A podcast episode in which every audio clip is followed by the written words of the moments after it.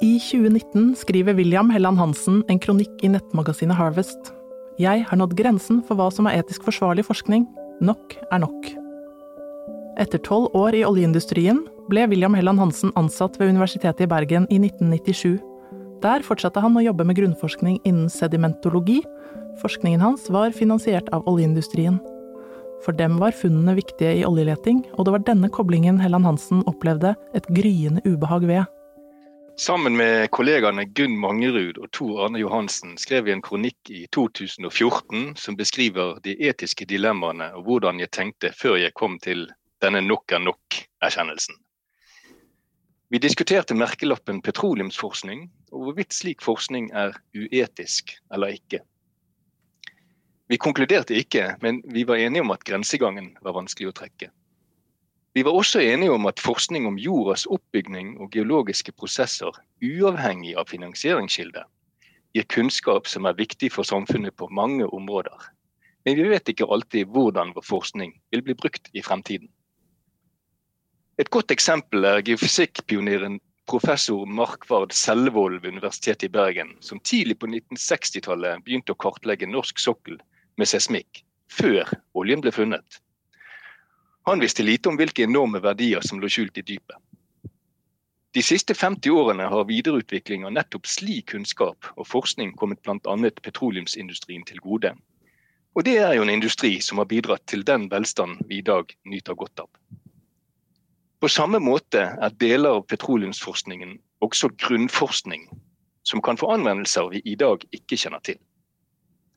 Kunnskap som er blitt skapt under merkelappen petroleumsforskning, har også andre bruksområder, som f.eks. vannprospektering, CO2-lagring, jordvarme, deponering av farlig avfall, ja til og med i klimaforskning. Og omvendt. Geologisk forskning knyttet til f.eks. jordskjelv, istider, modellering av jordskorpen, for å gi noen eksempler. De er viktige i petroleumsleting og utvinning, selv om de ikke har merkelappen petroleumsforskning. Eller enda et eksempel. Modellering av havstrømmer og klima det vil ha stor relevans for petroleumsindustrien. Hvor viktig er ikke prognoser for utbredelse av sjøis for petroleumsvirksomhet i Arktis? Er dette petroleumsforskning? Så det finnes egentlig ingen klar grense mellom det som tradisjonelt oppfattes som petroleumsforskning, og annen forskning som også kommer til nytte i petroleumssektoren. Grenseoppgangen er med andre ord uklar. Det kan være vanskelig å være føre var når forskningen din kan ha mange ulike anvendelsesområder. Likevel er ikke dette noe carte blanche, påpeker Helland Hansen og kollegene i kronikken i Bergens Tidende. De skriver mange petroleumsforskere har en nysgjerrighetsdrevet motivasjon for å løse noen av naturens gåter, ikke nødvendigvis å finne mer petroleum. Samtidig må selvsagt ikke erkjennelsen av tidløs og såkalt verdinøytral kunnskapssøken være et skalkeskjul for ikke å ta samfunnsansvar og ta stilling til vår tids etiske spørsmål forbundet med global oppvarming.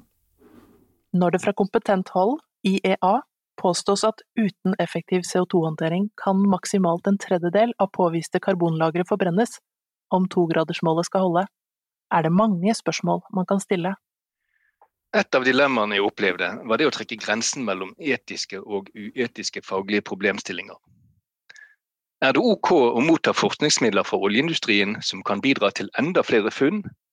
Eller er det bedre å forske på økt utvinning av felt i produksjon enn å forske på leting etter nye felt? Og hvor i stor grad er kilden for forskningsmidlene en del av dette etiske dilemmaet? Er det bedre å være støttet av Forskningsrådet enn oljeindustrien direkte, selv om forskningen er mye den samme? Men da må jeg også minne på at store deler av forskningen i Norge og for den saks skyld vår lønn og studielånsordninger finansieres direkte eller indirekte av petroleumsindustrien. Helland Hansen beskriver samarbeidet med petroleumsindustrien som svært godt. De fikk tilgang til topp forskningsdata, de kunne jobbe sammen med dyktige forskere i industrien, og fikk, sitat, ganske frie hender til å styre forskningen. Mine forskningsmål hadde et sterkt grunnforskningspreg, utvikling av konsepter og metoder, og ikke direkte leting etter petroleum i spesifikke områder.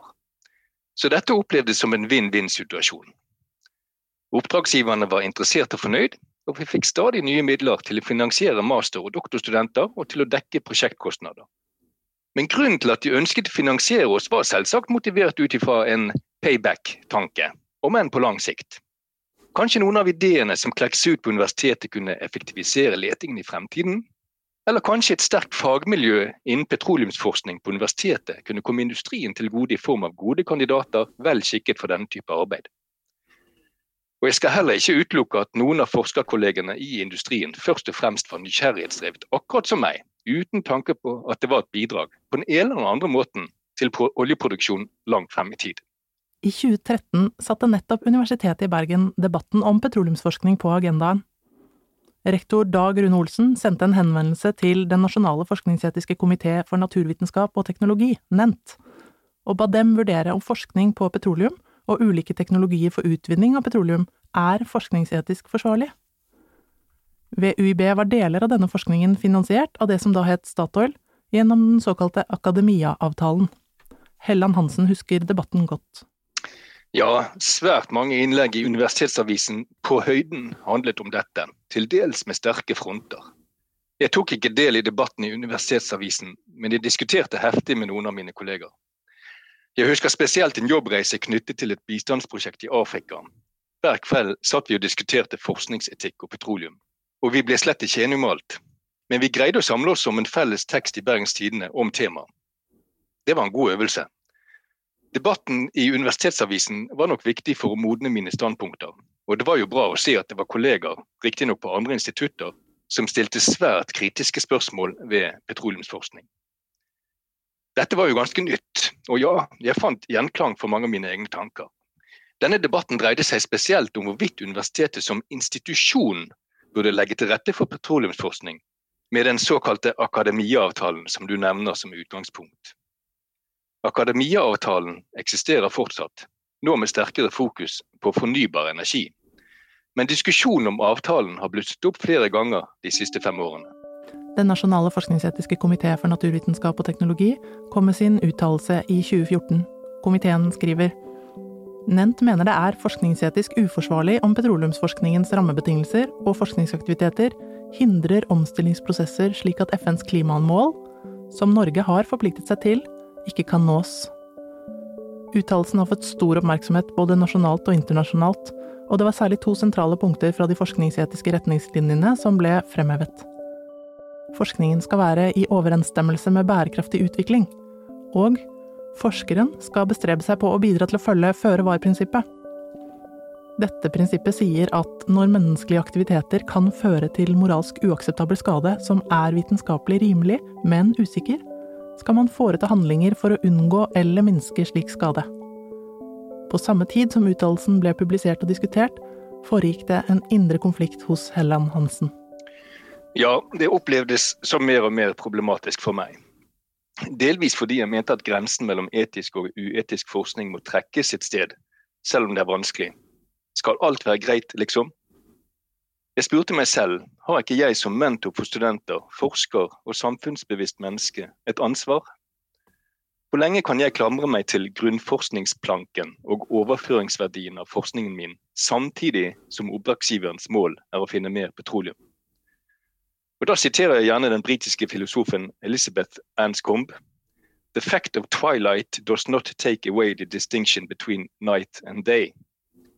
Uklare etiske grenser er ikke ensbetydende med å ikke ta et standpunkt.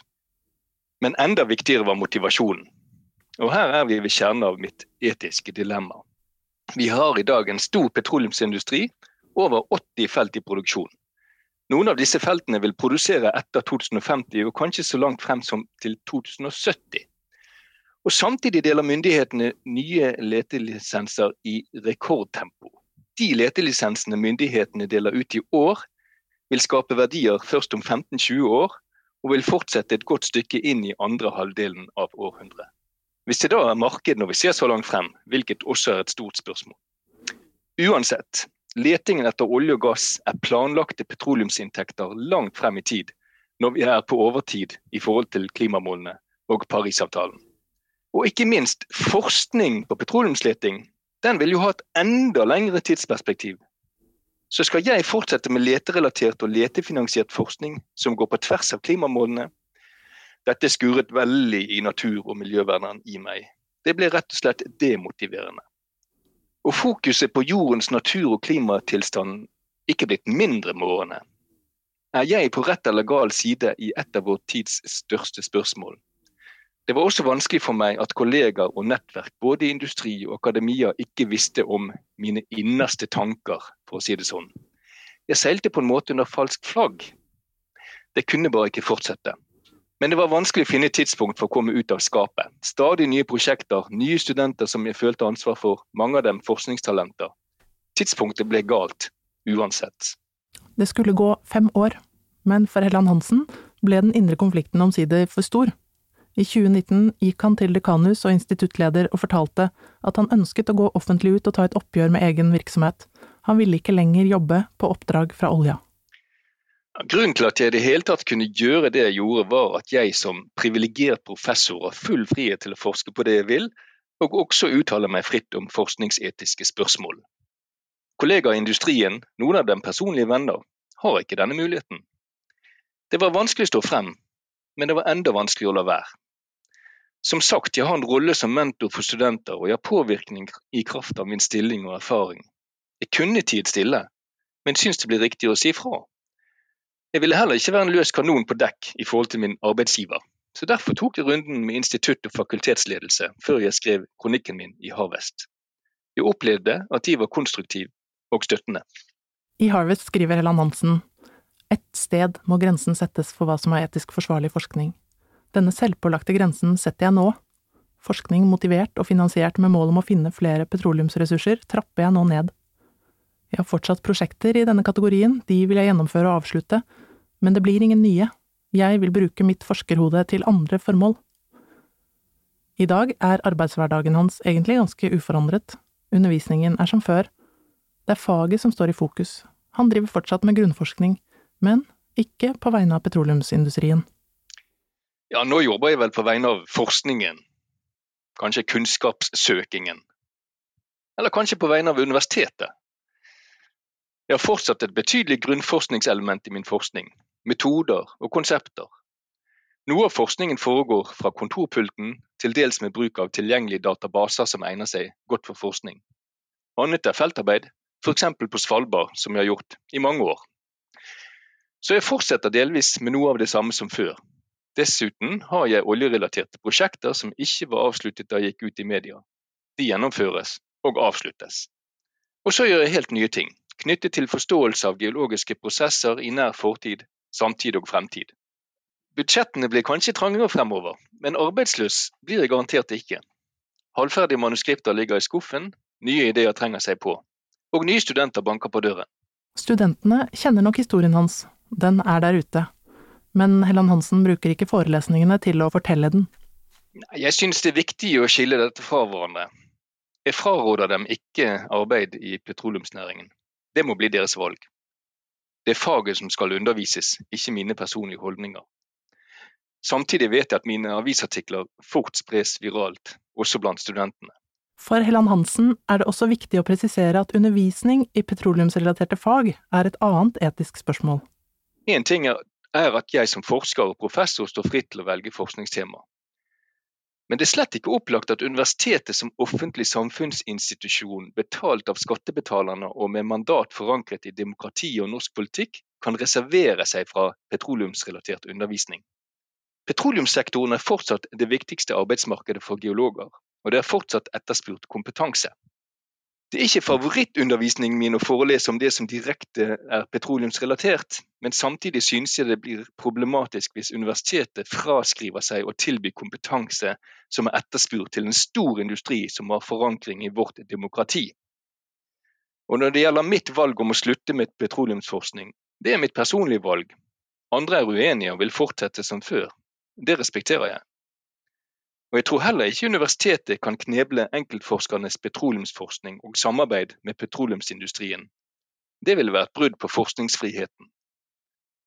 Men hvorvidt universitetet som institusjon skal oppmuntre og tilrettelegge for den type forskning gjennom rammeavtaler med industrien, det syns jeg er mer problematisk. Igjen, akademiavtalen er et slikt eksempel. Jeg heller nok til at det er bedre å fortsette samarbeidet under nye forutsetninger og med dreining mot fornybar energi enn å kutte alle bånd. De store industriselskapene, slik som Equinor, vil være viktige i energiomstillingen, og da er det bedre å spille på lag enn å miste tilgang på data, samarbeid, ekspertise og økonomiske ressurser. Slik tenker jeg i alle fall nå. Og ikke minst, følelsen for jobben er en helt annen i dag for professor Helland Hansen. Ja, for meg var det absolutt en lettelse å stå frem. Jeg føler meg kanskje litt mer forskningsetisk, uten at jeg tenker så mye på det. Du har hørt Forskningsetikk, en podkast fra de nasjonale forskningsetiske komiteene. Jeg heter Ingrid Torp. For mer informasjon om forskningsetikk, gå til forskningsetikk.no.